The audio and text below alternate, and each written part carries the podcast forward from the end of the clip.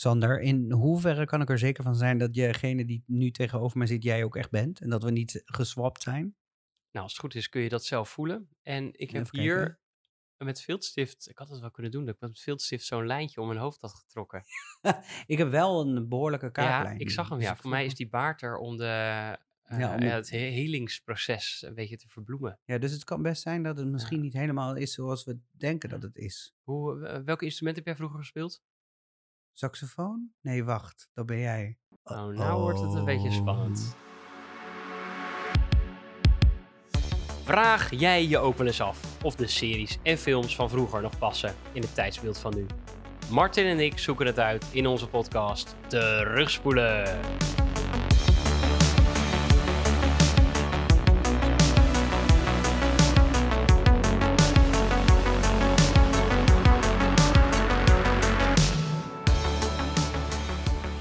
Zo, met een slok koffie in mijn mond mocht ik de aankondiging doen. Maar toch ook deze week zijn wij er weer. Ha Martin, Hallo Sander, nu had ik een slok thee. ik zag het ja. En Ja, toen dacht ik, oh nu lijkt het alsof ik het terug doe. Ja, Nou, ik neem nu een slok koffie. oké. Hoe is het met jou? Ja, prima met jou. Eh, ook prima. Ja, je bent net lekker weer weg geweest. Ja, ik ben helemaal weekendje. Ja, ik zie het. Ja. Het is goed, eh, goed een goede, goede kleur op je toet. Kijk Ja. wel uit, hè? Goed smeren. Ja, de zon is een sluipmoordenaar. Precies. De koperen Goed. blijven smeren. hey, ehm, Sander, ehm, voordat we gaan beginnen aan de film en dergelijke. eh, ik had wat bij de mededeling neergezet, want ik kwam een heel eh, grappig stuk tegen. En ik dacht, ik ga het even met je delen, omdat de vorige keer mijn tutorial of mijn uitleg ook al zo'n succes was. Mensen ik, waren oh. er lovend over. Die Nou, zeiden nou, nu is daarom. het duidelijk. Dus ik dacht, ik, ik, deze gooi ik er ook gewoon in. Zal ik je wat vertellen? Ik Nou. ben één en al oor. Het blijkt dus, er is een nieuwsbericht uitgewerkt. eh, Richard Dreyfuss, ken je die? Ehm, nee, ik zie het hier staan. Nee, ik ken hem ook niet, maar het is dus een... eh, Hij is de visser in Jaws. Ja. Hij is de stoere visser. Ja, de stoere visser in Jaws. Nou, ik heb Jaws nooit gezien. En je hebt Brody, de politieagent. dan heb je die duiker. En Richard Dreyfuss is de stoere haaienvisser. Oké, nou, in ieder Spoiler geval... alert, die wordt opgevroten. Nou, als ik hem nu zie, dan denk ik... Oké, ik heb daar best wel... Ik heb volgens mij nog wel eens best wel films met hem gezien of iets. Maar in ieder geval, die man is ehm, uit zijn stekker gegaan. Want eh, hij, vindt het, hij is namelijk boos over de nieuwe zogenaamde inclusieregels... waaraan films straks moeten voldoen om in aanmerking te komen voor een Oscar. ik ja. wil toch nou even terugkomen. Ik zie nu de foto van de beste man. Het is de politieagent. Oh ja, want het staat de politieagent. Ik Ja. denk, nou ja, hebben die ook al vissers tegenwoordig, maar prima. Eh, maar in ieder geval, hij is dus boos geworden. Nou, Hij moet dus van kotsen, ja. Ja, hij heeft een een goede eh, vinger in de pap te brokkelen natuurlijk bij, die, bij de Oscars. En dat zeg ik met een lichte sarcasme, want geen idee of ze naar hem luisteren. Maar hij vindt, er, hij vindt het, hij moet er letterlijk van kotsen inderdaad, want hij zegt, we hebben het hier over een kunstvorm. En het is ook een vorm van commercie. Niemand moet mij als kunstenaar vertellen dat ik moet toegeven aan de nieuwe, meest actuele vorm van moraliteit. Ja. Nou, nu ben ik, was ik dus benieuwd, wat zijn dan die zogenaamde eisen? blijkt dus dat er nieuwe regels zijn ehm, vanuit de Oscars, eh, waaraan dus de films om, eh, mee, of, eh, om mee te dingen voor beste film moeten voldoen. En een van die grote regels is dus ehm, dat er een, een bepaald percentage ehm, van de acteurs moet voldoen aan een, eh, van, eh, ja, aan een groep van etnische komaf of van minderheden. Dus eh, representatives van, van kle- kle- kleinere groeperingen. Dus waar onder andere ook LGBTQ-representatie en dergelijke moeten onder. Dus er is een hele lijst online op de site van, van de Oscars. Is een hele lijst online wie dan die, die groepen zijn. Want dat mag dus ook niet zomaar iedereen zijn. Ehm, en dat vond, vond ik wel interessant om te delen. Want ik dacht, oké, dat is voor het eerst dat de Oscars zoiets, ja, best wel iets groters neerzet. Want dat hebben ze niet voorheen gedaan. Ja. Want daar hebben ze natuurlijk al langere tijd staan ze daarom bekend dat ze daar best wel ge, geëikel over hebben. Dat ze er weinig mee hebben gedaan met de regels. En nu hebben ze dat dus ingevoerd. En ik vroeg me af, wat vind jij daarvan? Ja, ik stap hier een beetje koud in. Dus ik durf. eh, ik ben altijd bang dat ik dan wat zeg. En dan later denk van, nou, dat ligt inderdaad misschien wel een beetje anders. Maar ergens kan ik deze Richard Dreyfuss wel volgen. Eh, eigenlijk moet zo'n film of een bepaald iets waarvoor je staat, moet zichzelf natuurlijk ook wel goed kunnen verkopen. En ik denk dat, zoals wij kijken naar die films, dan kijken we ook van, goh, hoe zit het een beetje met eh, diversiteit en zo daarin. Eh, daar rekenen we niet een film volledig op af, maar we kijken daar wel naar en daar, dat waarderen we ook. En ik denk dat dat juist met films die, de Everything, Everywhere, All at Once van de zon, eh, is ook een film die juist daarin opviel. Dus dan denk ik, ja, volgens mij is er best wel aandacht voor. Moet dat concept zichzelf niet gewoon goed verkopen en niet dat je een bepaalde stelregel hebt, een soort ballotagecommissie van nou, voldoet hij hier wel of niet aan? Of moet je dus een blik minderheden opentrekken, zodat je weet, dan kan ik in ieder geval meedoen met de Oscars. eh, kan ik er daar eentje van binnenhengelen. Ja, het is natuurlijk een beetje hetzelfde als eh, ehm, ehm, dat je een quota neerzet voor bijvoorbeeld vrouwen in de top. Ehm, want dat is, dat is, dat, eh, daar is ook heel veel kritiek op. Van moeten we dan daar regels aan aanzetten? Moeten we daar regels aan geven? Moeten we dan zeggen, oké, dan quota en dan zetten we maar een vrouw neer, want dan komen we wel bij die quota in aanmerking, bla bla. Daar is heel veel negativiteit op. Echter is natuurlijk ook een, een soort van geforceerde verandering die eh, uiteindelijk weer een, een- een, ja, normale verandering tot, wegen, tot, tot stand Klopt, maar het is natuurlijk Dus- wel een lastige. Je wil natuurlijk, er wordt er gezegd, ja, bij gelijke geschiktheid eh, is er een voorkeur voor diversiteit. Zo Ja. staat het bij- bijvoorbeeld bij de Universiteit Leiden, staat het Ja. in elke advertentie die ze hebben voor medewerkers. Ja, Dan denk ik, ja, in hoeverre kun je spreken van gelijke, eh, gelijkwaardigheid daarin?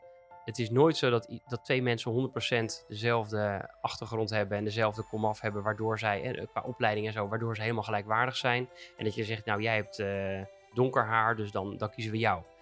Dus het is natuurlijk niet zo dat je twee identieke personen tegenover je hebt daarin. nee, nee, nee. Maar ik vraag me af of we niet nu, of, de, of dit niet ook nu gewoon even is van, we forceren het even om het in de huidige film en de huidige standaarden eh, wel m- eh, meer, ehm, ja, gewoon letterlijk te forceren, zodat daar mensen ook bewust van worden, dat ze, dat ze erop gaan letten. Eh, waardoor het in eerste instantie heel erg lijkt van, we forceren het in het beeld. Ehm, waarna, als je het over 10 jaar of over 20 jaar kijkt, eh, er een hele nieuwe generatie opgroeit met het beeld dat het hartstikke normaal is. Dat klopt, maar dan waardoor je zou dus ik eigenlijk willen normaliseert. dat wij als consument dat eisen van de filmproducenten, dat die daar rekening mee houden. Nou, dat doen ze ook, toch? Nou Dat ja, dan, ook- dan maakt het voor die Oscars natuurlijk niet uit. Nee, maar voor de Oscar is het toch gewoon... Het, maar de Oscar is de prijs waar je alle films aan mee willen doen. Dus die denken, nou prima, dan gooien we deze regels in. Overigens staat er... At least one of the... At least one individual must belong to an underrepresented... re- underrepresented In de complete racial cast. or ethnic In de group. complete cast. In de... In de ja, de, even kijken. Ja, ja. In Ja, dus de, niet 20% moet... Uh, the eh, studio and the film of the company has multiple or more than one in-house senior executive belonging to at least one of the underrepresented Ja, maar- group on the ja, creative development, daar heb je marketing, publicity en, en Ja, maar dan gaat het dus van niet de over de acteurs en mensen die in de cast per se. Dit gaat ook over, net Ook, zoals ja. het glazen, blo- eh, glazen over vrouwen en een vrouwenquotum. Ja. Ja, ik vind dat altijd lastig. Maar het is niet. makkelijk praten vanuit de eh, Zeven Vinkjes eh, club, zeg maar, versus eh, de, nee, die heb jij Zeven- gelukkig, dat scheelt. Ik ben niet eh 50. Is dat er een van de Volgens mij is dat zeven ook een van de vinkjes. Oh. Nou, Nou, dan heb je er zes. Ja, ik, ik zit natuurlijk best wel goed in die vinkjes, maar jij zit ook best aardig in die vinkjes. Ik zit aardig in de vinkjes, maar ik zit wel bij de groep LGBTQ+. Dus dat, dat is Toch mijn vinkje minder. Maar ik vind dat wel, ik vind het wel interessant. Ik vond het een interessant artikel. En zeker dat eh, Richard Dreyfuss er zo over uitspreekt. Ehm, hoewel ik wel moest denken, ik heb geen idee wie je bent. Maar ehm, hij heeft een dus- Oscar gewonnen ooit. Klopt, hij heeft Oscar gewonnen voor de rol van de eh, of zijn rol in de Goodbye Girl. En zijn laatste film was dus Murder at the Yellowstone City uit 2022. Dan komt, Allemaal de vraag, dan komt de vraag: zat jij in al die films of wat heb jij onlangs eh Oscar-waardigs geproduceerd? Behalve deze podcast natuurlijk en jouw podcast natuurlijk van Madonna. Ja, nou ja, dat. Dus, maar ik vond het een interessant feitje en leuk dat we deze discussie al zo diep eh, beginnen. Nou, zo is het. Toch? Laten we dan maar verder diep duiken. Ja, want we gaan nu naar de volgende film. En de film is Face Off. Face. Of. Uit 1997. Klopt. En waarom hebben we deze film gekozen? Eh, dat gaat om Nicolas Cage. Ja, niet Nicholas Holt. Dat is een tegenspeler in een nieuwe film waarom we deze hebben gekozen. Ja, want Nicolas Cage heeft een nieuwe film. Die heet Renfield. Gaat Oh ja, dat over het, de ja. Dracula. Speelt hij Dracula. En zijn hulpje Renfield is degene die eh, hem moet blijven voeden. En dat is, wordt gespeeld door Nicholas Holt. En die kunnen we kennen als onder andere uit Beast. Als Beast uit ehm, X-Men. X-Men. De nieuwe First Class. Ehm, en hij, eh, ja, die film is nu in de bioscoop. Dus dan kan je Nicolas Cage bewonderen in de bioscoop. Het is weer een tijd voor lekker bekken van Nicolas Cage. dus dit is precies de tijd. En daarom eh, hebben wij ook deze film. Ja, ik was ook wel benieuwd naar deze film.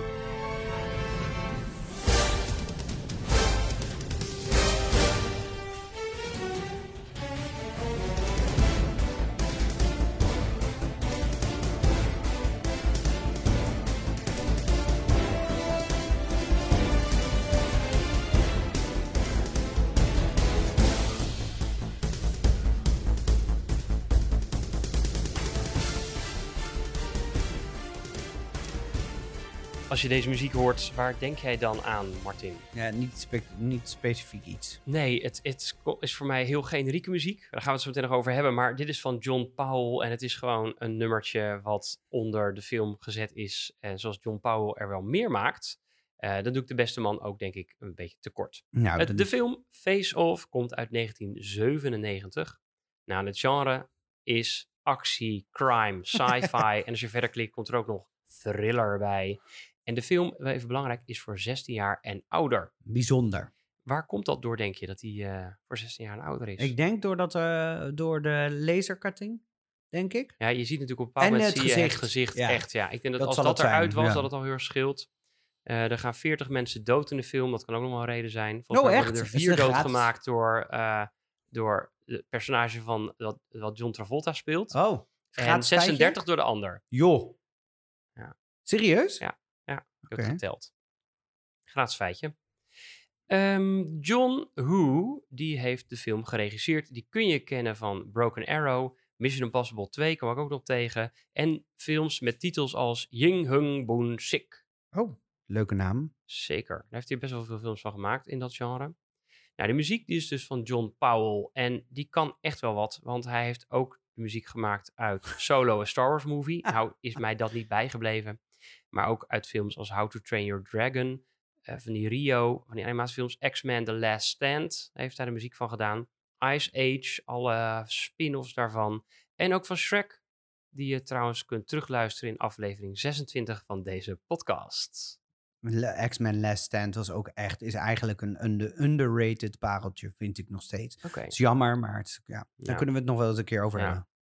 Eh, de speelduur is 2 uur en 18 minuten. Ik verkeek me daar weer eens op. En het budget ging 80 miljoen ging de buis in. En 245 miljoen kwam de buis uit. Dus toch factor 3 weer binnengehengeld. Ja, dat is wel netjes. Lekker. De prijzen. Nou, hij is genomineerd voor een Oscar. Wel, precies zijn de Oscar voor Best Effects, Sound Effects en Editing. Eh, kan ik me ergens voor voorstellen. Hij heeft wel elf prijzen gewonnen, waaronder eh, allemaal in de science fiction en horror genre, waar we de afgelopen films toevallig ook elke keer op teruggrepen, omdat er toch opeens horror en science fiction in elkaar geschoven was. Heel erg veel nominaties. Ook bij MTV vonden ze er van alles van. Eh, dus ja, hij heeft wel prijzen gewonnen. Geen Oscar. Oké, sneu. Op IMDb een 7,3. Nou, we kennen de zure zult van IMDb inmiddels. Daar komen we hoor. Rotten Tomatoes, de critics 92% Zo. en de audience 82%. Poeh. En dat vind ik wel, eh, wel hoog. Dat is pittig hoor. Zeker, zeker, zeker. Eh, en dat terwijl die net aan in de top 1000 staat van IMDb. nou ja, goed. We zien dat daar nog wel eens verschil in is. Ik heb hier een paar rollen uitgehaald die ik dan even ga noemen, zodat we even weten waar we het over hebben. Sean Archer, die wordt gespeeld door John Travolta. En John Travolta, die kennen we natuurlijk van films als Pulp Fiction, Grease en Swordfish. Dan hebben we Castor Troy. Die wordt gespeeld door onze eigen Nicolas Cage. Die kun je kennen van Leaving Las Vegas, The Rock, National Treasure, Con Air. En als ik heel eerlijk ben, denk ik bij deze film ook heel erg aan... dit had The Rock en Con Air ook kunnen zijn. Eve- Nicolas, Nicolas Cage heeft nu dus zijn eigen film. Dat heet The Unbearable Weight of eh, Massive Talent met Nicolas Cage. About Nicolas Cage. En dan speelt hij dus ook zichzelf. En het is gewoon een spoof over, over zeg maar, zijn hele carrière. En die staat te kijken op Amazon Prime. Ehm, maar ik heb hem nog niet gezien, maar Nou, blijkt wel huiswerk echt een voor eh, volgende week dan. geweldige film te zijn. Top. Eve Archer, de vrouw van Sean Archer, die wordt gespeeld door Joan Allen. En toen dacht ik, nou, die heeft wel een beetje bekend gezicht. maar die, nou ja, de films die, waar ze in speelde, die paar, die kwamen mij niet zo bekend voor. Dan hebben we Pollux Troy, dus de broer van eerder genoemde Castor, uiteraard. En die wordt gespeeld door Alessandro Nivola. En toen dacht ik, nou, die ziet er bekend uit. Die ken ik ook. Nou, ook al die films waar die in speelde, geen flauw idee welke films dat waren. Echt, heel gek. Uh, toen hadden we Sasha. Hm. Eh, die wordt gespeeld door Gina Gerson. Gerson zal het wel zijn, eh, Joodse achtergrond. Ook zo'n bekend gezicht. Ik dacht, nou, die ken ik ook. Maar eh, ja, ook de films waar zij in speelde, die kende ik eigenlijk ook niet. Behalve Showgirls van Paul Verhoeven. Maar die heb ik nooit gezien, dus daar wil ik er niet van kennen. Ja. Het hoesje. Ik heb hem hier meegenomen. Ik heb een DVD meegenomen voor vandaag. ja. Op de voorkant staat heel groot Travolta en Cage. En daarboven staat dan John en Nicholas. En daaronder staat in ongeveer hetzelfde achtige font staat er dan Face en Off. Dus Face Off. Nou, van beide heren is de helft van het gezicht te zien. En tussenin staat de tekst. In order to trap him, he must become him. Het is ook echt zo, zo jaren negentig dat. Klopt. Nou, vervolgens hebben we de eh premisse daarop staan. De FBI-agent Sean Archer, John Travolta, knows how to stop the elusive terrorist Castor Troy, Nicolas Cage. He'll become him. Now, Archer undergoes a futuristic surgery and as... eh, oh, wat heb ik hier voor rare typfout. And as has Troy's face mapped onto his, then infiltrates the terrorist world to discover his deadly secrets. But as much as Archer looks and acts like Troy, he doesn't really know him. He never figures Troy will retaliate and force doctors to transform him into Archer. Now the agent faces a shattering nightmare. His arch rival is living with his family. His family. The Travolta Cage star power comes on strong, and so does the excitement in this roaring thrill machine of a movie directed by John Woo. So buckle up, it's going to be a furious fight. Er staan een paar plaatjes uit de film. En hier weer een quote uit de Times Magazine. This isn't just a thrill ride, it's a rocket. Wauw.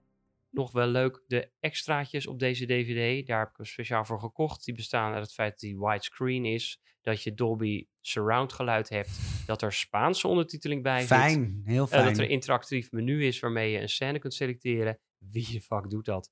En natuurlijk een trailer. Dat heb ik nooit begrepen van die, van die dvd's. Dat daar dan ook nog een trailer op staat. Ik vind dat zoiets raars. Van, ja, laten we alle drie de trailers die ooit uit zijn gebracht... ook op die dvd's als extra zetten. Ik snap dat in die zin, omdat ik bijvoorbeeld warme gevoelens heb aan de trailers van de Star Wars films of van de Phantom Menace toen die uitkwamen. En Ja, voor die- de fans die- is...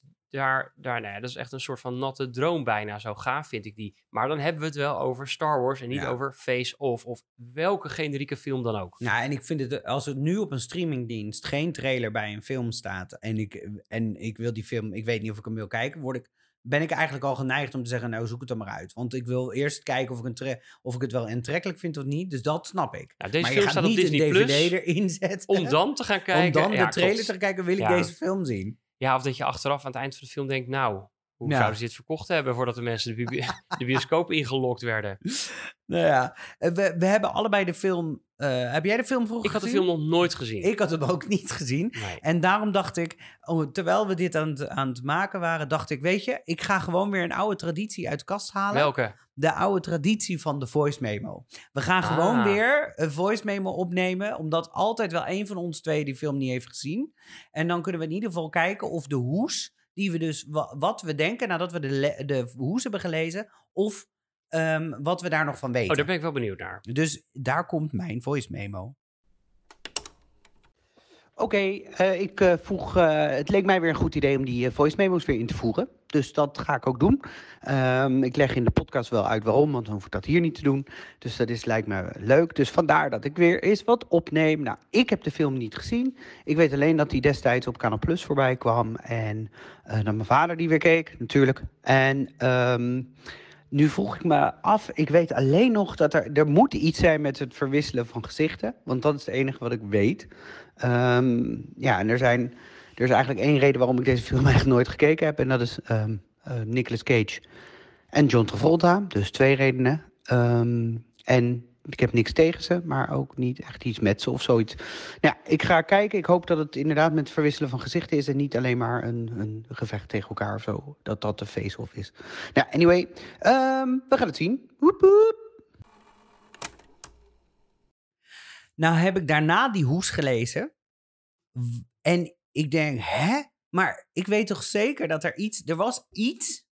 En als, als je het ziet, dan is het He Must Become Him. En ik weet nog heel goed dat ik een beeld zag van iets van snijden of zo. Dat weet ik nog heel goed van vroeger. En ik, maar het is gewoon niet terug te zien op deze hele hoes. Dus ik heb geen idee wat hier nu... Nee, het is, het is alsof hij een soort dubbelganger wordt. Ja. Terwijl dat is niet zo. Nee. Hij wordt hem letterlijk... Eigenlijk klopt het verhaal op deze hoes klopt niet helemaal met wat in de film gebeurt. Precies. In tegenstelling tot alle frontjes en achterkantjes die we tot nu toe hebben gehad, waarbij letterlijk het hele plot al uitgelegd wordt, behalve de laatste zin. Ja, Eh, denk aan Shallow Hell. Eh, en, eh, bij deze film klopt het gewoon niet helemaal. Oké. Nou, voordat we verder gaan in de, en nog meer spoilers weggeven... eh, mocht je deze film nou zien, waar kunnen ze hem kijken? Op Disney Plus. Met, Disney. en de trailer staat daar ook bij, voor als je geïnteresseerd bent. En de Spaanse ondertiteling. Die staat ook op Disney+. ik had Plus. die tekst dat ze dan in het Engels ondertitelen. Ik kwam er halverwege de film achter dat het in Engels was. Dat was me niet opgevallen. Maar dat ze dan ook elke keer eh, Man walks down from the Oh, de. CC, de dat soort dingen erbij. Dus ik dacht, nou, Ja, opzouten met Dat dit. vind ik heerlijk. Dat, dat kijk ik altijd. Ja. Ja, het is wel stom, want het geeft heel vaak spoilers weg. Ja, Zo van, Ja, eh, A man Betty's comes in the ding. in. Oh ja, nou weet ik het al. Betty's walking in. Ik eh, hoezo? Ehm, mocht je deze film nu willen kijken, stop dan deze, deze, deze podcast en start dan weer na de spoiler bumper.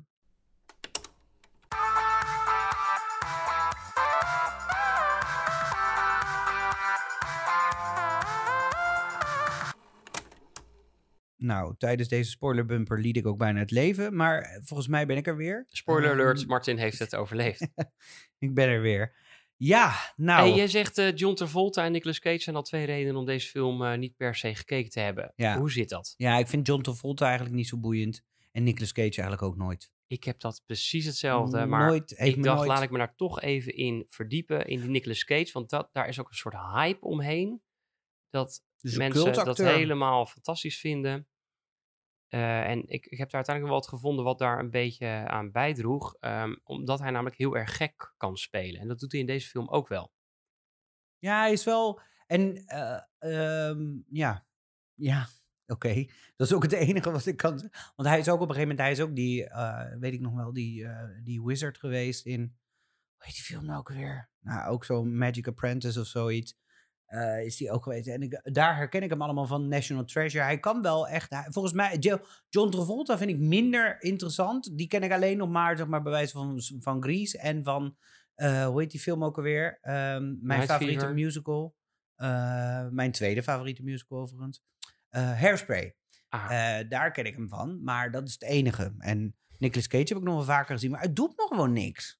Ja, nu scheen ik, schop ik tegen heel ja, veel het doet je eigenlijk wel wat, want eigenlijk doet het je dus iets, bijna iets tegen. Maar goed, Ja, nou bijna ja. Ja, nou goed. Eh, laten we lekker meteen het verhaal induiken. Eh, en daar wil ik het meteen eens over hebben. Wat ik een beetje vind, is dat eh Nicolas Cage, als hij zo een beetje de psychopaat uithangt, vind ik dat best wel interessant. Daar is hij echt wel een beetje een psycho. En dat vind ik ook nog wel een soort van geloofwaardig. Daar wil ik wel in meegaan. Alleen is het jammer dat hij in deze film wisselt van gedaante met John Travolta. Ja. Waardoor hij eigenlijk een suffe lul speelt. Ja. Ja, dat kan Nicolas Cage ook als geen ander. ja. Maar John Travolta moet vervolgens de psycho gaan spelen. En dat, dat gaat toch hem minder lekker af. Ja, en wat ik raar vind is dat eh, John Travolta wordt dus Nicolas Cage. Of, en Nicolas Cage wordt John Travolta. Maar Nicolas Cage, die John Travolta wordt, ehm, die wordt van een soort...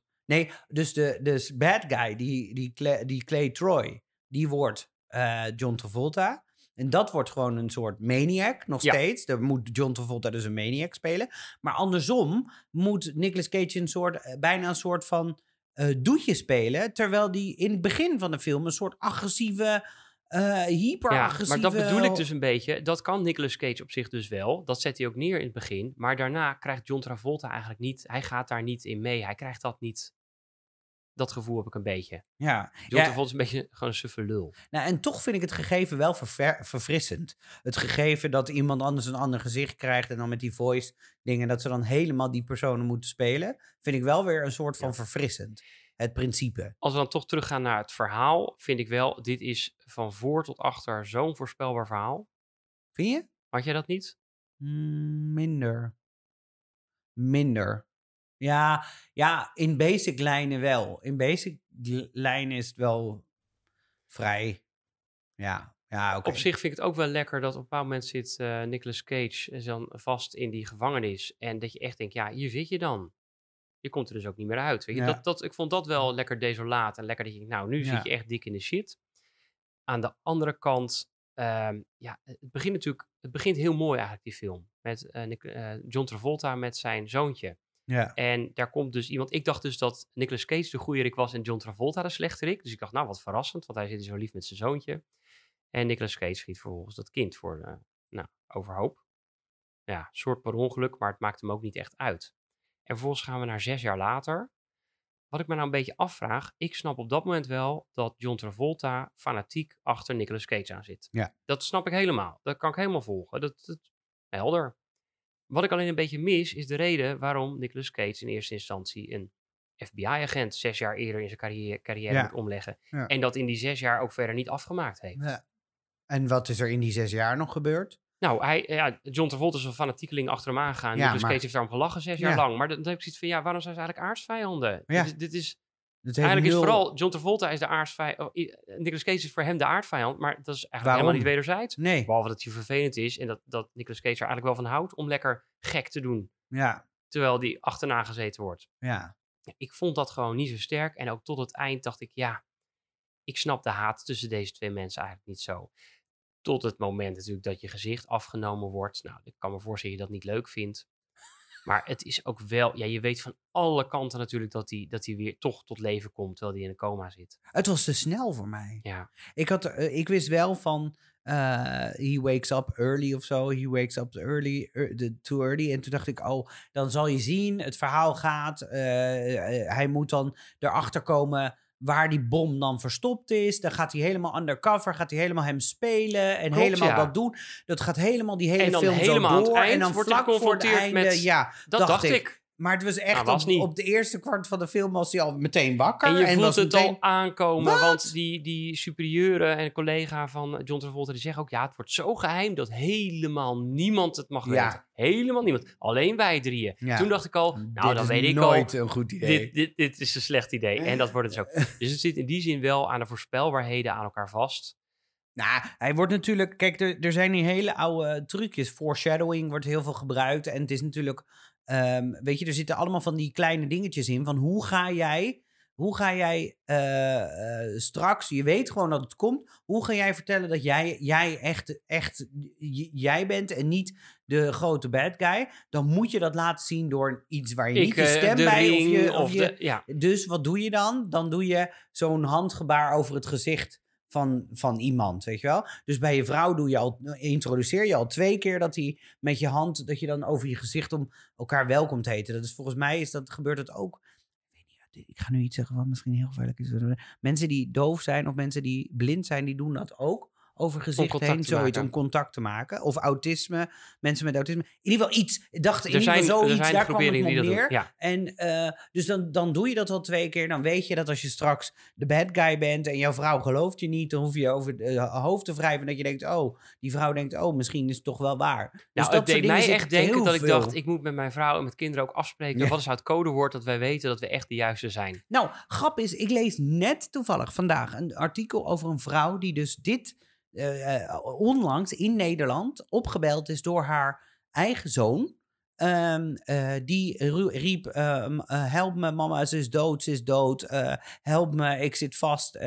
je moet me helpen. En, en helemaal in paniek. De stem van, de- van de zoon en die vrouw die moest dan betalen. Nou, dat is natuurlijk, als je dit nu hoort, denk je een obvious scam. Ja. Maar het is dus gebeld met, je, met de stem van je zoon. En die zoon komt toevallig binnenlopen, dat moment. Dus die komt binnenlopen in dat huis. En die moeder denkt, wat?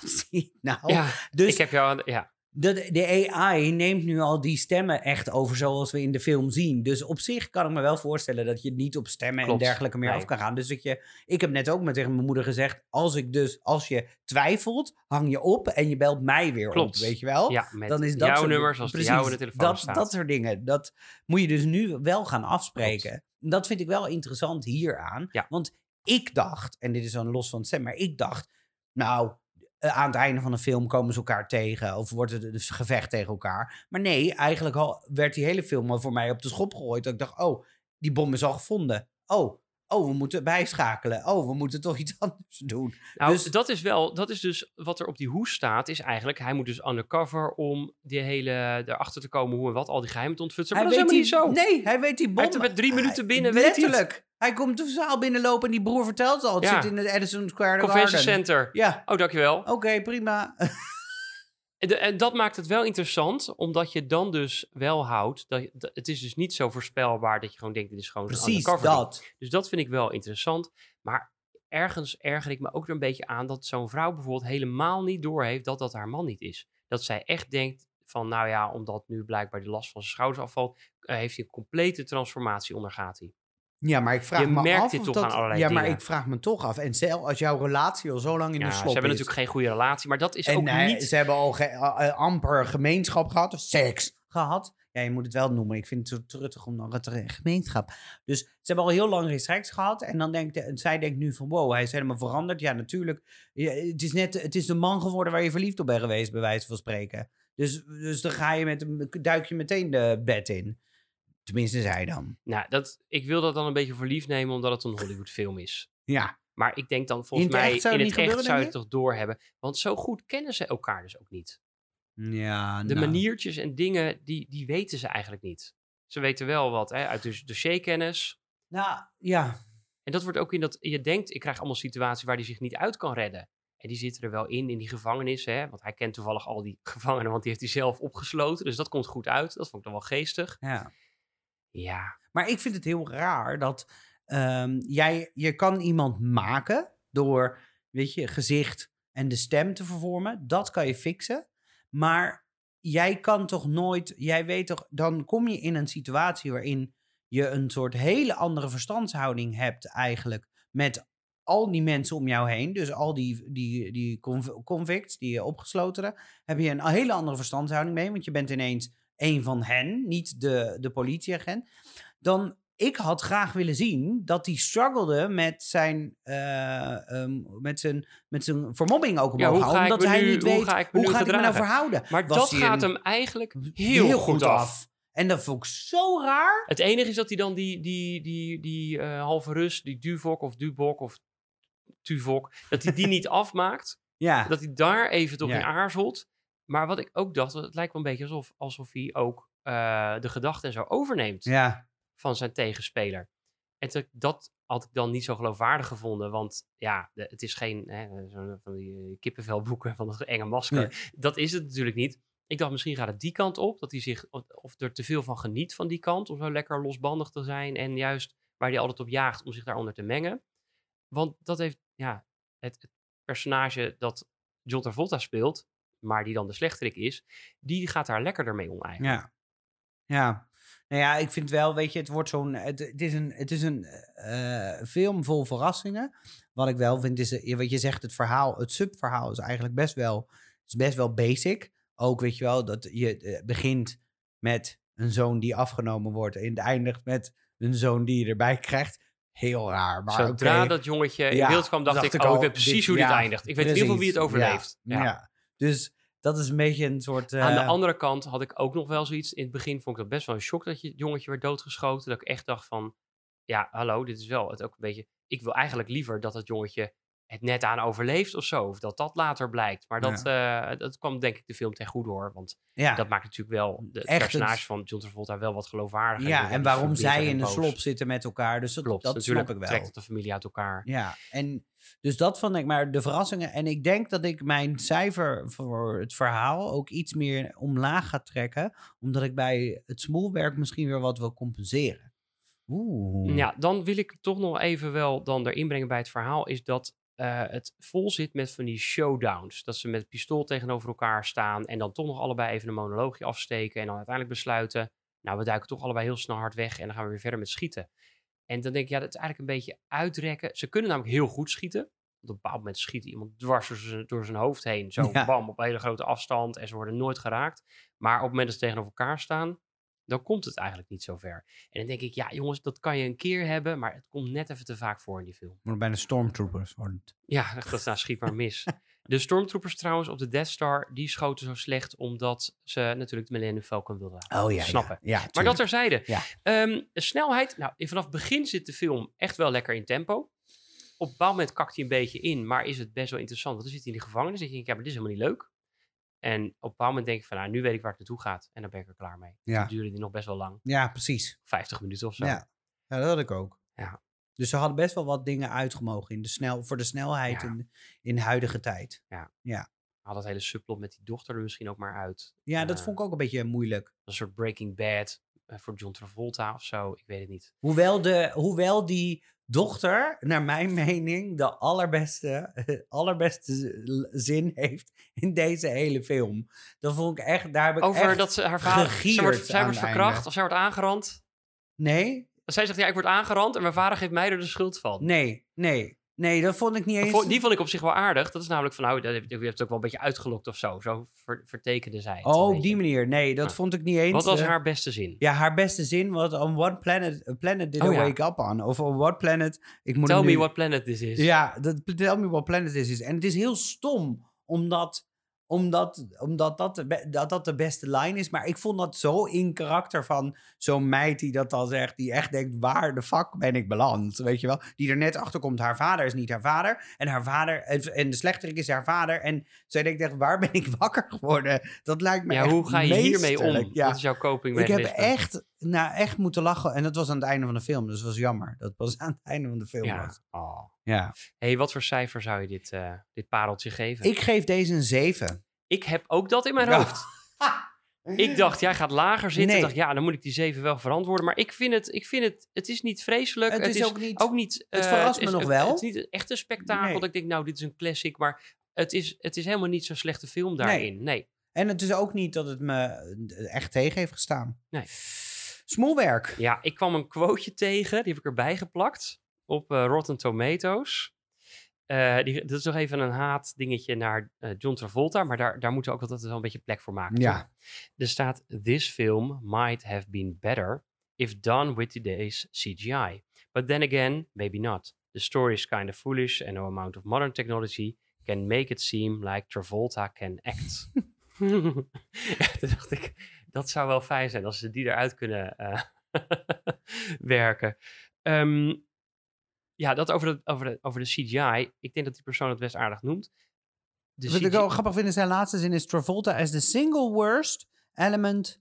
uh, single worst element. Oh ja, oké, de single worst element. Ja, ik dacht dat er Ja. stond second worst element. Ja, en is, wat is dan de first, maar de single. Ja. Ehm, ja, daar ben ik het eigenlijk stiekem wel een beetje mee eens. Want ik vind Travolta hierin... Hij is gewoon niet zo'n overtuigende bad guy. nou, maar- ik vind hem eh, best goed als de, eh, relatief goed als de, de good guy. Mhm. Alleen speelt hij dat in deze film natuurlijk maar een heel klein stukje. Ja, ja fair enough. en dan is hij gewoon een zagrijnige man. Ja, het is heel erg. Ja. Ehm, Ehm, over die CGI. ik heb me daar eigenlijk helemaal niet. eh, ik vind het zo tijdloos. Er werd zo'n zip drive, zo'n diskette Ja, gegeven. dat is de en toen dacht ik, ja, maar dit kan ook best wel gewoon een hip stukje techniek zijn waar het vandaan gehaald wordt. Ik, ik herkende het dan. Dat is zo'n zo'n zo'n jazz drive, zo'n 120 MB ja, ding. Dat je ik ken nou, het niet, maar... lachen.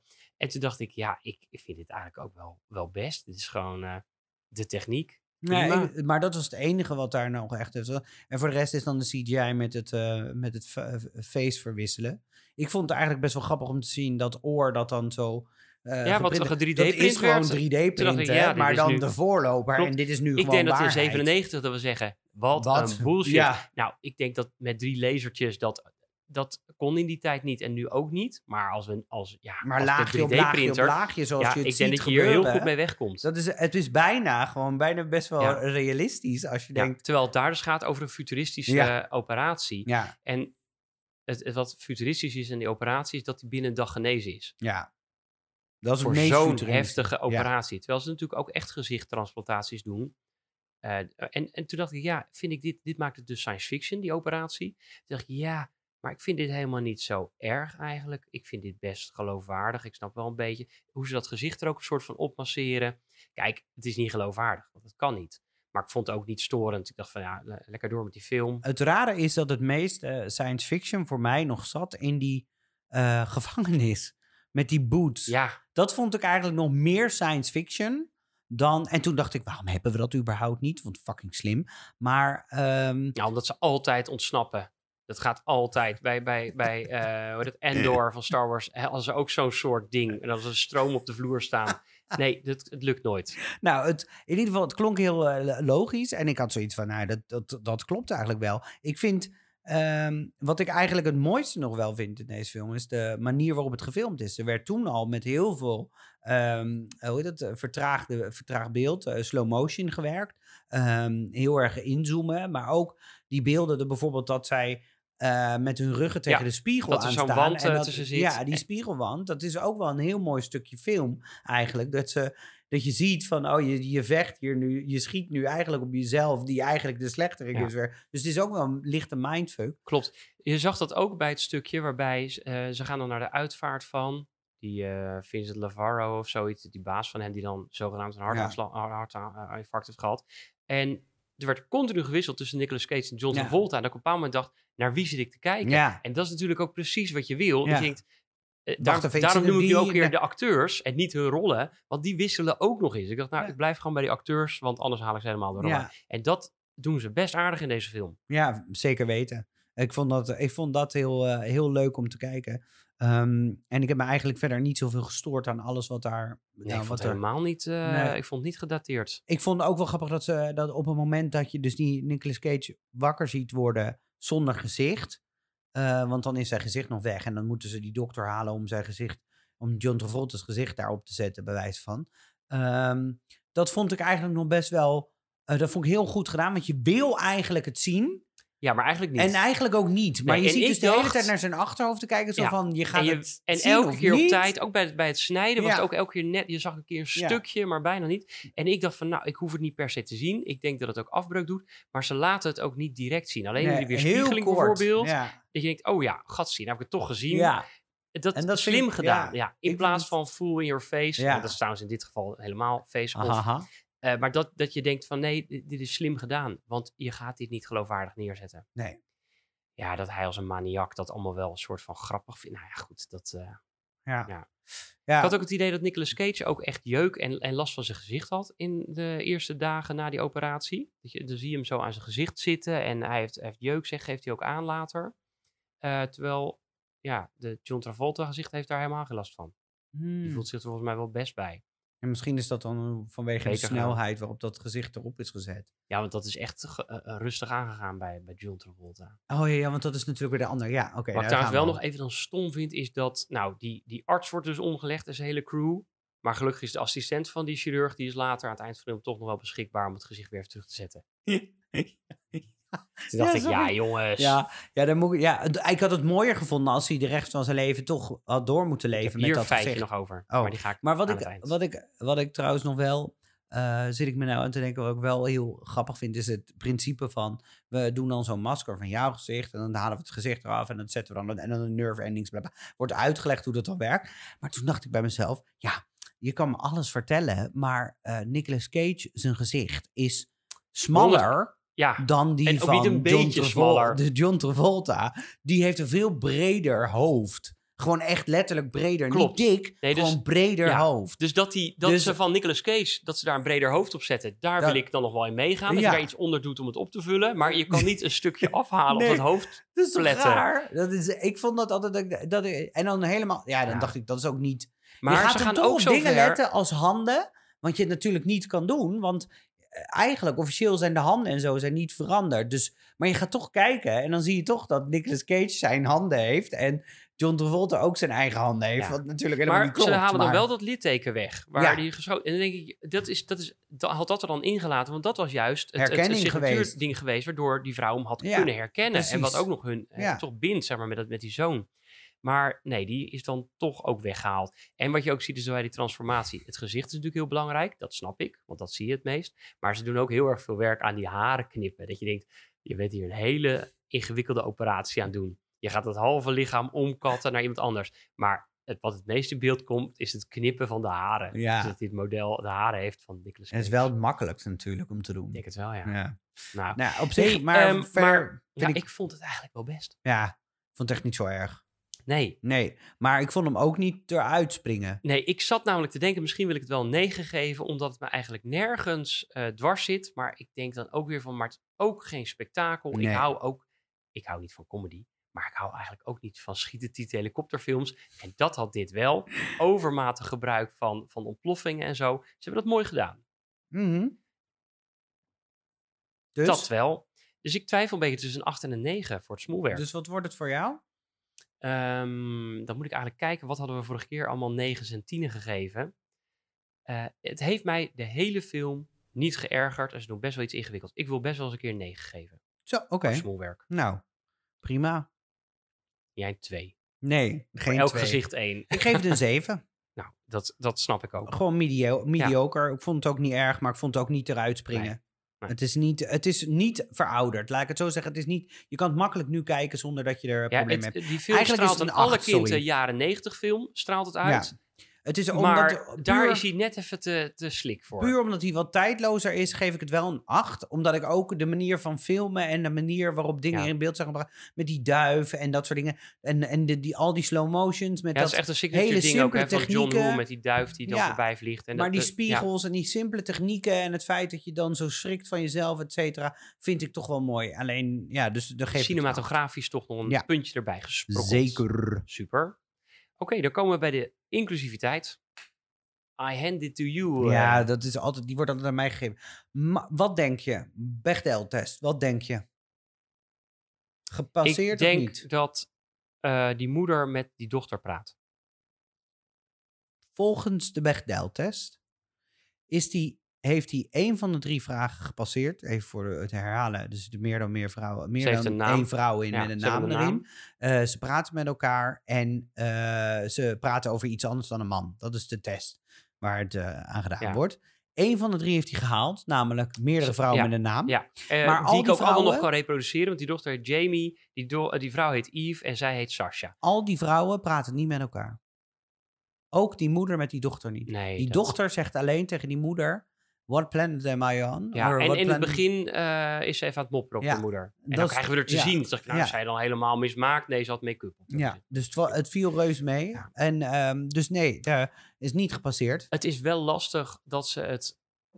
Nou, die, die moeder, die spreekt natuurlijk wel met John Travolta over die zoon, zeg maar. Het is wel heel oppervlakkig ook, overigens. Maar het gaat hier natuurlijk heel erg om deze twee mannen die van rol Ja. gewisseld zijn. Dus ja, je kan bijna niet anders dan dat ze het over die man hebben. Nee, maar Die dat, film gaat over die twee mannen. Ja, maar het maakt niet over. Het maakt niet uit dat zij tegen de man praat over een, over een man. Maar het gaat erom dat twee vrouwen met elkaar praten over Ja, iets anders dat- dan een man. Ja, En dat gebeurt dus niet. nee. Er zitten wel meerdere vrouwen in. Het is allemaal heel mager.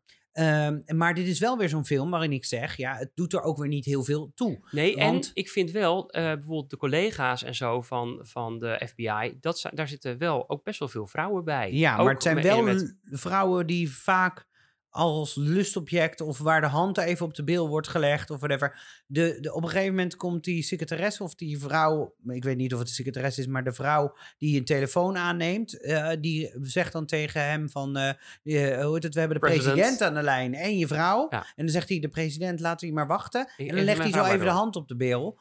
En dat zou natuurlijk tegenwoordig kan dat natuurlijk. Nee, maar dat, dat is natuurlijk niet. ook het type. Dat, dat kan natuurlijk ook niet. dat zou die. John Travolta dus- never nooit gedaan hebben. Ja, Jawel. John Travolta zou in zijn eigen gedaan tijd, maar niet op de film.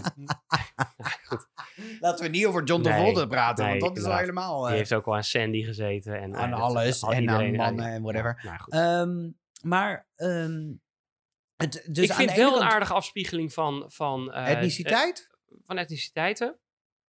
Oké. Nou, Ja, het- eh, maar zonder dat dat de nadruk heeft. Het is natuurlijk niet van belang, maar het politiebureau eh, van de FBI bestaat niet uit allemaal witte mannen. Nee. By far not. Nee, By far not. Not by far, bij Far Not. far not. Ehm, nee, dat is zo. Maar eh, het, het punt weer, weer is, dit is gewoon, dit heeft een verhaal. En ehm, als we aan het begin van deze podcast zijn we begonnen over die regels. eh, het heeft wel weer iets van representatie. Maar dit is wel een verhaal waarin het lastig is om ehm, nog een subplot te bedenken die minderheden representeert. Ja. Behalve dan afspiegeling in de etniciteiten, et cetera. Dus dat op zich, weet je, daar scoort het dan wel ietsjes meer op. Maar het doet er verder niet zoveel toe. Want het gaat over de relatie tussen die twee mannen daarin. Ja, tussen en het dat zijn natuurlijk... Die eh, ik- dat ze niet een man en een vrouw verwisselen van gedaante, dat, dan was mij de ik, geloofwaardigheid ook van de niet. film echt wel omlaag Ja. gegaan. Dus dat is prima. Dat is Dan echt- zou het een ander soort film geweest Zou ik zijn. ook, dat, maar dat, dat zou ik ook niet willen. Als in, we moeten niet nu dat ineens gaan doen. Eh, man, vrouw, Om vrouw, maar vrouw, die om maar gelijkwaardigheid dat te hebben. Dat hoeft niet. Nee. Ehm, En des- het, het, dat is natuurlijk, het zijn twee, witte mannen. Dus het is, ook, het is Ja. nog minder geloofwaardig als de een eh, bijvoorbeeld zwart is, de ander wit. En dat Dat is en heel geslacht. moeilijk. Dan wordt het wel Dan krijg je heel een erg. beetje white chicks-achtig idee. Ja, en dan, nou, dat moeten we gewoon niet hebben. Nee. Dus, ehm, dus wat dat betreft is het heel geloofwaardig. Maar het mist wel gewoon een hoop representatie daarin. En dat vind ik wel zonde. Maar het doet er ook niet zoveel toe. Dus ik kan daar vrij kort over blijven. Als we deze film nu neerzetten, is er naar mijn mening, behalve dan het feit dat het niet de, de afspiegeling niet helemaal 100 is. Als we hem in deze tijd zouden zetten, zie ik daar niet veel problemen in. Correct me if I'm wrong, mensen, luisteraars die luisteren. Als jullie denken, dit is, eh, daar zeg je iets heel verkeerd. Maar ik zie er niet heel veel verkeerd in, maar ik zie er ook niet heel veel goed in. Dus wat automatisch dan mij brengt tot het cijfer 5, wat ik altijd geef, omdat het er echt tussenin zit. ja. Het heeft het niet niet, het heeft het ook niet wel. Ja. ja, ik denk dat deze film misschien op thematiek het daarin wat beter doet. En wat andere dingen haalt. En misschien dat ik eh, bij de feitjes nog iets leuks heb hierover. Oh, oké. Eh, ik geef ook een 5. Oh, oké. Eh, omdat er inderdaad gewoon weinig uitspringt. Het, Ja. is, het, is, het zit een beetje aan de schrale kant, maar het zit ook niet tenen krommend laag. Het zit gewoon, ja, het is gewoon gemiddeld. Ja. Ik ga geen punten geven voor gemiddeld. Nee. Heb ik bij alle andere films hiervoor wel gedaan, maar nu niet. Nee. Thematiek. ja, lastig. Nou ja, als je het hebt over bepaalde ethische eh, dilemma's natuurlijk. Van, nou, eh, hoe is dat dan om elkaars gezicht over te nemen? Of wat als jij inderdaad donor bent van jouw gezicht en jij komt om en ik heb brandwonden en zeggen, nou, dan doen we een gezichtsdonatie. En dat gebeurt natuurlijk echt. Eh, het, het grappige is wel een beetje dat als je gaat kijken, past de thematiek en zo die in die film voorkomt nog wel. Eh, denk ik, nou, misschien is het wel actueler dan ooit. Ook over die, hè, met het, oor aanzetten en zo. Dus het gaat natuurlijk een stukje ook om die futuristic surgery. En hoe ver mag je daarin gaan? En eh, nou, je komt in de knoop als je dat soort dingen doet. Dat is een stukje thematiek. Maar ook van hoe word je dus gevormd door wat er in je leven gebeurt. Met zo'n zoon die wordt neergeschoten. Nou, ik, eh, ik ga daar niet eens langer bij stilstaan dan noodzakelijk is. Maar ik snap dat het wel gevolgen heeft. En dat vind ik eigenlijk in die film ook wel. Ja, zo, dat is aandoenlijk, die relatie tussen die twee mensen. En ze hebben ook gewoon nog een dochter, die moet eigenlijk ook gewoon aandacht. Maar daar, daar zijn ze helemaal niet aan toe. Ehm, Lag er wel heel magertjes op. Ja, het tuurlijk. ging dat, niet daarover. Nee, Dus- dit was bijna een beetje een soort comedy waarbij eh, papa aan de drugs is en daardoor eh, opeens een leuke band heeft met zijn dochter. Een soort Het eh, Mrs. Doubtfire-achtig ja, iets werd dat Het is, bijna. een heel, het is wel heel erg minimaal Ja. hoor, hierin. Wat ik wel weer aardig vond, was dat het ook op een bepaald moment een smerig randje kreeg. Dat je dacht, ja, maar een vader doet dit niet. is- Daaraan merk je dat dit toch niet echt helemaal de vader is. Nee. Zeg maar. Hij lijkt erop, maar hij is smerig. Ja, Eh, omdat natuurlijk hem dat helemaal niet hoeft tegen te houden. maar op zich ook wel kloppend. Eh, ja, ik, eh, ik heb er verder niet heel veel uit kunnen halen. Hoe ver wil je gaan om terrorisme tegen te gaan? Ja, het is natuurlijk niet zo heel erg realistisch daarin. Ja, weet je, het moeilijke, het moeilijke vind ik eraan is dat je eigen, je zou er het thema eruit kunnen halen van wraak eh, is niet altijd, lost niet altijd alles op. Wraak maakt meer kapot dan dat je lief is. Dus het koesteren van een wrok zo lang, eh, zes jaar lang, is ook, eh, is, is, werkt je, hele leven verwoest het. Ehm, ehm, als er zoiets groots gebeurd is, vergeef ik misschien het grootste cadeau wat je jezelf kan geven. Zulke dingen kan je eruit halen. Maar het ligt er niet, het is niet te dik, want hij moet eigenlijk die, eh, zijn, zijn enemy worden om de stad te redden. Ja. Dus het is niet eens een persoonlijke vendetta meer. Het is gewoon, hij moet het worden omdat het zijn Klopt. eigen stad, omdat de mensheid daar in zijn stad en eromheen eh, gevaar loopt. Dus hij wordt een soort van redder daarin.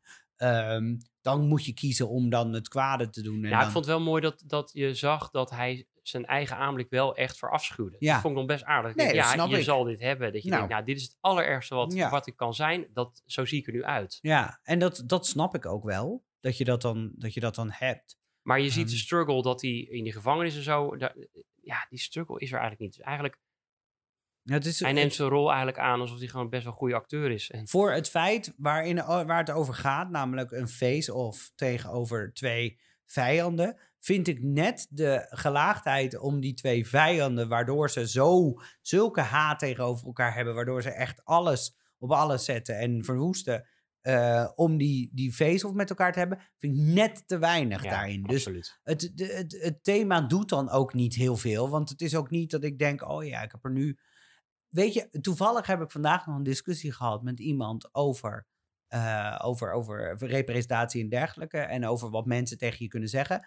Toen haalde ik ehm, Shallow Hell aan. Onze, mijn, dat ik letterlijk hell, H-E-L heb opgeschreven, Shallow Hell.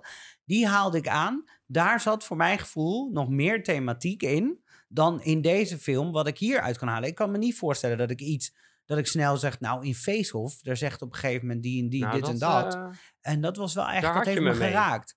En toen dacht ik, dat is wel, dat, dat zegt wel wat. Het is niet slecht, maar er zit niet echt een dieper thema voor mij in dat ik denk, oh ja, dit is, ehm, dit is, dit is wat het eh, mij oplevert.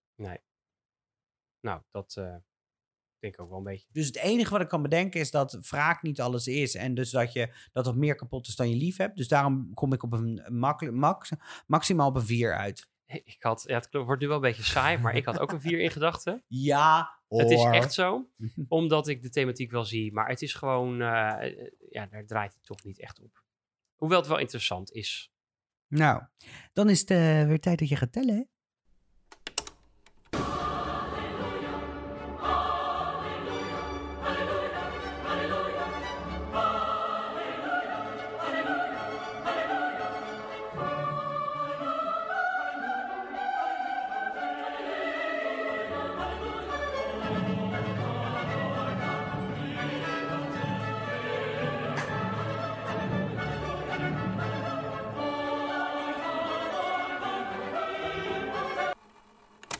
Dus even kijken, met gemiddeld een 7 voor het verhaal, een 8,5 voor het smoelwerk, een 5 voor inclusiviteit en slechts een 4 voor thematiek, komt hij gemiddeld op een 6,1.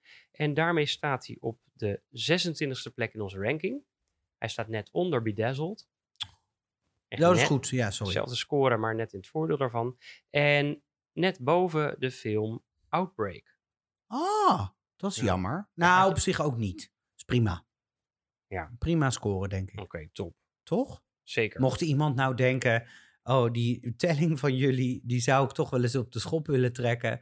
En daar heb ik wel een idee voor. Prima, dat kan je ons altijd aanbrengen via Instagram, terugspoelen. Of anders eh terugspoelen at gmail.com. Terugspoelenpodcast at gmail.com moet ik Mocht je zeggen. het nou er helemaal mee eens zijn, geef ons dan lekker gewoon vijf sterren, duimpjes op en andere dingen. En like en subscribe en eh, volg ons. Ja, op alle platformen, whatever, wat je, waar je ook maar wil. Ja, dat kan allemaal.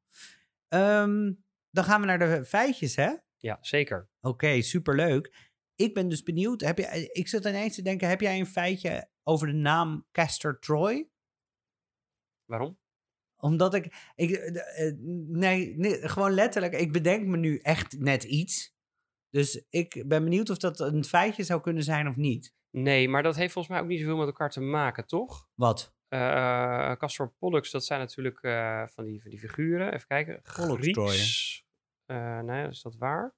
Ehm, het zijn twee halfbroers. Een, een tweeling die een halfbroer zijn. En voor mij heeft dat niet zoveel met Troje te maken. Nee, maar ik dacht wel zoiets Troje en dan een beetje een Trojaans paard, weet je, voordoen alsof het iets anders is. Dacht ik ineens, oh, het is allemaal wel mooi bedacht. Zou dat, ja, zou wel dat leuk geweest. Een, een, eh, dit zou een feitje van mij kunnen zijn geweest als ik de foute feitjes had gedaan. Nou, dan ik had je het goed gedaan. Ja, had je dan, eh, oké, tof. Nou, Zo, de valse feitjes. Ik heb er negen voor je. Vals, negen valse feitjes. Negen valse feitjes. nou ja, het negen feitjes en eentje daarvan is vals. Ja. En ze zijn speciaal voor jou helemaal uitgedokterd. Oh, spannend. Allereerst eh, de dynamiek, het gebrek daaraan, tussen John Travolta en Nicolas Cage. Die hebben twee weken voor de start van de opnames, hebben ze samen twee weken doorgebracht om elkaar goed te leren kennen en elkaar te leren spelen. En ze kwamen daarbij tot bepaalde gebaren die ze zouden doen en bepaalde stembuigingen die dan bij beide karakters die ze dan konden overnemen van elkaar om die overnap te kunnen spelen. Oké. De tweede, die is voor jou, echt voor jou. Wie waren eigenlijk de eerste keus voor, Oh, daar gaan we weer. voor deze twee in plaats van John Travolta Even en Nicolas. Cage? Harrison Ford en eh, Tom Cruise. Nee, Michael Douglas en Harrison Ford. Oh, wel Harrison Ford. Ja. Allereerste keus waren Arnold Schwarzenegger en Sylvester Stallone. Er waren nog meer combi. Ja, die hebben dat later gedaan. In twee andere films hebben ze eigenlijk vergelijkbare soort rollen gedaan. Eh, verder hadden we ook nog Bruce Willis en Alec Baldwin als combo. En als laatste combo Robert De Niro en Al Pacino. Oké. Dus je ziet, het zijn allemaal soortgelijke types. Ja.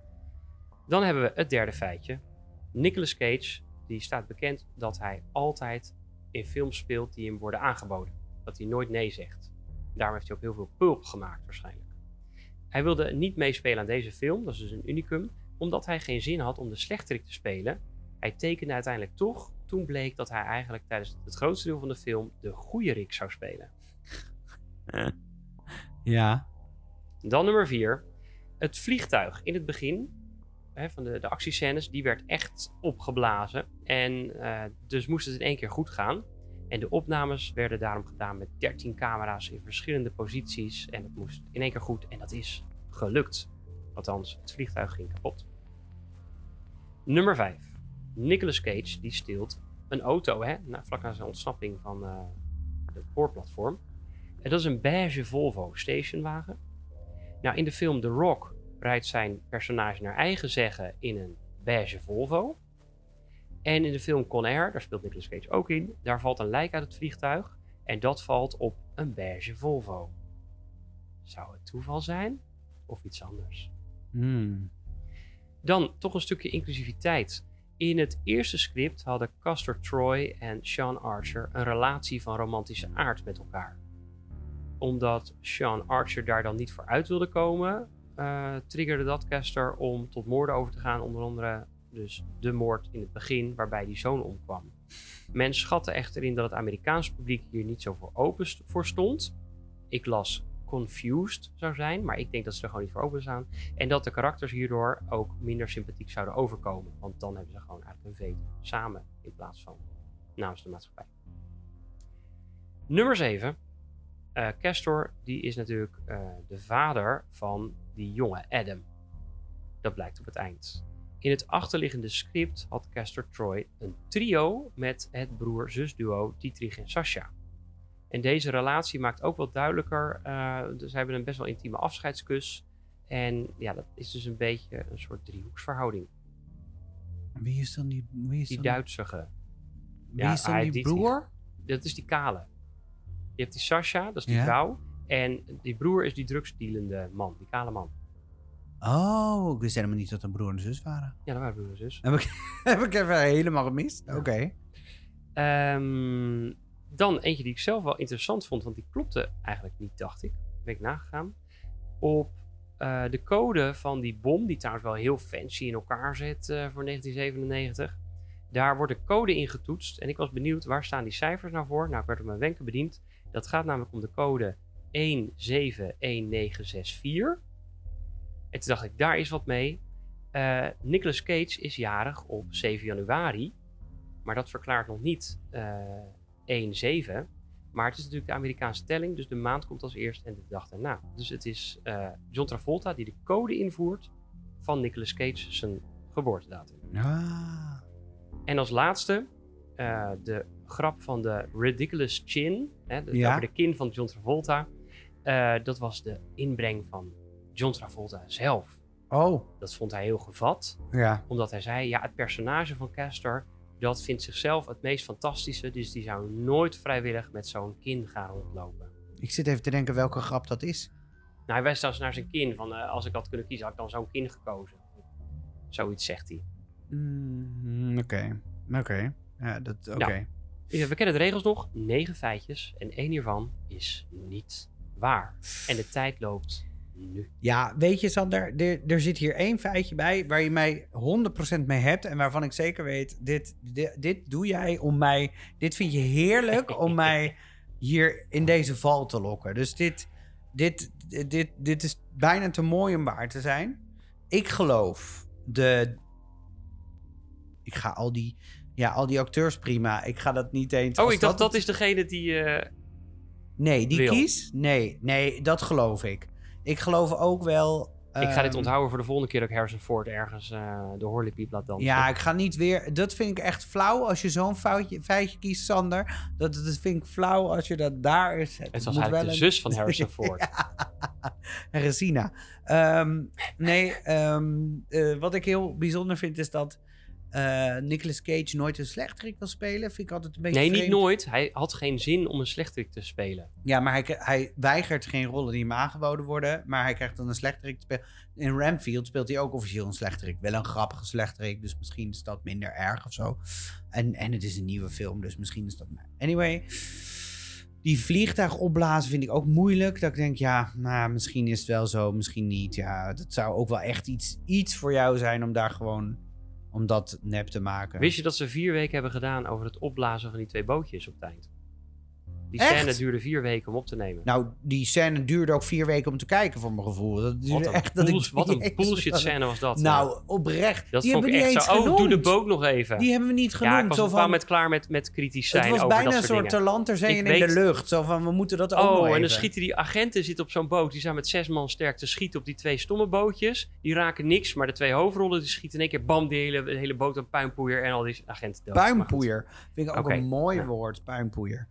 Ehm, Het vliegtuig. Ja, weet je, weet je, Sander, ik ga gewoon voor ehm, degene, ik ga gewoon voor degene waar je me in ieder geval mee wil lokken. Dat is prima.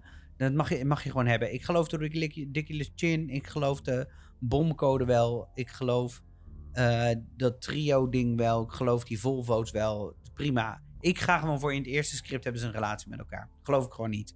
Is onzin. Ja, toch is dat echt waar. Ja, ik wist, ik wist dat, je dit, dat dit ging gebeuren. Ja, dit maar was ik vind dit, koren op ja, de molen. dit Ja. is- maar als ik er niet voor had gekozen, dan had het ook niet, niet ver geweest. Nee, maar ik, nee. dit, is, dit, dit klinkt zo ongelooflijk vreemd in 1997. Ik terwijl er denk dat, zoveel denk dat, is geweest over, over, eh over Brokeback ja, maar Mountain. hoeveel jaar later is dat? later Hoeveel- is. Ja, Dat je denkt, dat kan toch niet dat ze in 97 al dachten, weet je wat? Ze hebben gewoon een relatie met elkaar gehad en daar een kind en weet ik veel wat. Dat is toch, dat is toch, dat klopt niet. nou, het is niet het meest sterke stukje in dit verhaal. Nee. Weet je wat ze ook nog hadden? Nou, weet je, laat ik eerst jou uit je lijden verlossen. Eh, die code, die klopt niet. Oh, mooi. Ja, Mooie, eh, ja. mooie ik dacht hint. dat moet ergens voor staan. De echte code is 43019. En toen bij die ne- 19 dacht ik, oh, dat lijkt wel een jaartal. Ja. Ehm Nice. had ik eigenlijk niet dan Goed gedaan. 30 april gezegd. Nou, had ook nog gekund. Dat was slimmer geweest trouwens, zie ik nu opeens. Wat stom zeg. Hm. Oh, wat stom. Ehm, het- wat ik wilde zeggen was dat ze ook nog hadden dat eh, op het eind dat eh, John Travolta dan in de spiegel keek. Dan had hij weer zijn gewone gezicht terug. En hij kijkt in de spiegel met Yves. En dan ziet hij toch nog het gezicht van Nicolas Cage op zichzelf, zeg maar. Dus hij identificeert zijn eigen gezicht, of dat hij dat heeft gehad, dan toch nog daarmee. Kan toch een soort posttraumatische stress zijn? Ja, dat zou ik heel wel. goed Vind kunnen. ik Ja, eigenlijk ja, best een mooi soort van, soort van. Maar het is natuurlijk niet echt een happy end. Hij heeft net opeens een zoon toch weer terug. Dus ja, Ja. Dat, ze dachten dat snapt het Amerikaanse publiek natuurlijk ook weer niet. Nou, dat had ik meer begrepen dan dat ze een eerste een Ja. liefdesrelatie met elkaar hadden gehad. Wat een onzin. Of tenminste niet wel een onzin, Nou, maar het is dat een beetje geloof ik gewoon niet gezocht. voor Het is- 1997.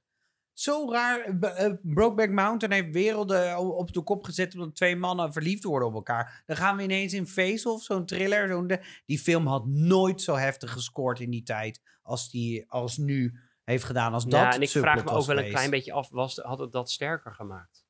Ik denk wel dat het sterker was geweest, ja. Ja, een sterk Want ze hadden, een, ze, hadden een, ze hadden een. Nee, ze hadden dan echt een relatie met elkaar gehad. En de een heeft de ander kapot gemaakt daarin. Dus dat geloof ik dan wel. Ja. Beter dan nu. Ja. Twee vreemden waarvan we niet weten. Ja, maar ik denk dat het Amerikaanse publiek had gezegd, ja, maar dan waren ze toch allebei eigenlijk niet, eh, dat, dat klopte dan toch niet. Of denk je, dan wordt het allemaal een beetje... Ik denk dat dat dan verloren gaat in het Ja. verhaal. En, en we weten gewoon dat er in al, elke film altijd wel iets van een love interest moet zijn. Wat je er dan ziet het eigenlijk wel terug, toch- denk ik nu, in hoe zij samen eh, hun teksten hebben. Dat ze zo van, hè, dat, van, eh, dat ze dan, de een leeft niet door zonder de ander, maar of een soort van, ze elkaar dan afmaken. Of ze, ze, gaan, ze gaan toch met elkaar het gesprek aan. Zij hebben wel iets samen. Ja, maar je weet niet Ergens, wat. nee, het is, het is natuurlijk op niks gebaseerd, maar dat had het wel logisch gemaakt. Ja, nou ja. Maar goed, het heeft niet zo mogen zijn. Nou, nogmaals, als mensen deze film dus willen kijken, kunnen ze dat doen op Disney+. Plus. Hartstikke leuk, toch? Zeker. Eh, Hm. Ik zou hem eh, gewoon een keertje doen. Nou, wie? Nicolas Cage, John Travolta of de film? Joh, dat mag ieder voor zichzelf weten. Oké. Nou, Eh, we zijn alweer over de tijd heen. Alweer over het uur. Dus dat betekent dat mensen weer flink wat te luisteren hebben. Maar wij echt moeten gaan stoppen. Ehm, ben jij benieuwd wat we de volgende keer gaan kijken? Ja, ik ben heel benieuwd.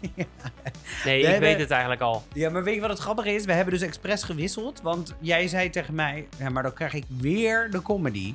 Toen zei ik, ja, oké, dat is inderdaad wel lullig. En het is niet helemaal jouw straatje. Sterker nog, helemaal niet jouw straatje. Wat er aankomt. Dus ehm, eh, toen dacht ik, nou, dan wisselen we deze om. Dan mag jij Face-Off nog een keer doen. Dan doe ik volgende keer de comedy. Want dat gaan we kijken. Ehm, je hoeft maar 1 uur en 35 minuten of 37 minuten door te komen. Nu al de beste. Dat is toch fijn? Dat is maar dat is, dat, redelijk kort. Ehm, en deze film kan je gaan kijken op eh, Netflix.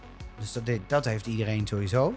Het wordt gezien als een van de ehm, meest popculture, fashion-achtige, fashionista-achtige films eh, uit de jaren 90.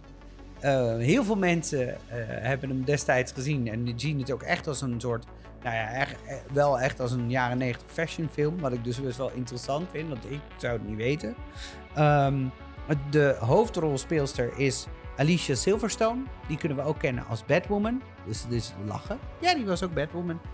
Ehm, ga je nou... In welke film was dat dan? Dat was in Batman. oh, in Batman. Oh, vandaar. Zij heeft toch Batwoman gespeeld? Of ben ik nou gek aan het worden? Ik wil nu... Jawel. Nou, nu word ik gek. Nou ja, in ieder geval, dat neem ik dat terug. Nee, ik zie het inderdaad niet tussen haar de films nu staan. Nou, dan heb ik dus ook weer iets... Jawel, Batman en Robin. Ha! Ja, Batman en Robin. Maar dat is met Jim. Carrey Ja. ook. En met Nou, die Chris, dus- Chris Waity. Ja, want zij komt dan aan het einde komt ze aangerend samen met die twee. Ja, met maar Chris. ik, die film heb ik niet paraat. nog Het iets. gaat natuurlijk om... ja, eh, dag. Batman. Dus Ik heb geloof gelijk. Ja, je hebt gelijk. Ehm, dus Alicia ik herhaal het nog één keer. Je hebt gelijk. Yes, het zat er. En met helaas de overleden Brittany Murphy. Ehm, en een favoriet van, onze, van een van onze grote luisteraars. Namelijk Paul Rudd. Niet de favoriet, maar Paul Rudd is de favoriet van onze grote luisteraar. Die zit erin. Dus ehm, ik zou zeggen, ga hem allemaal kijken. Voor de volgende keer gaan wij voor jullie de film Clueless terugspoelen.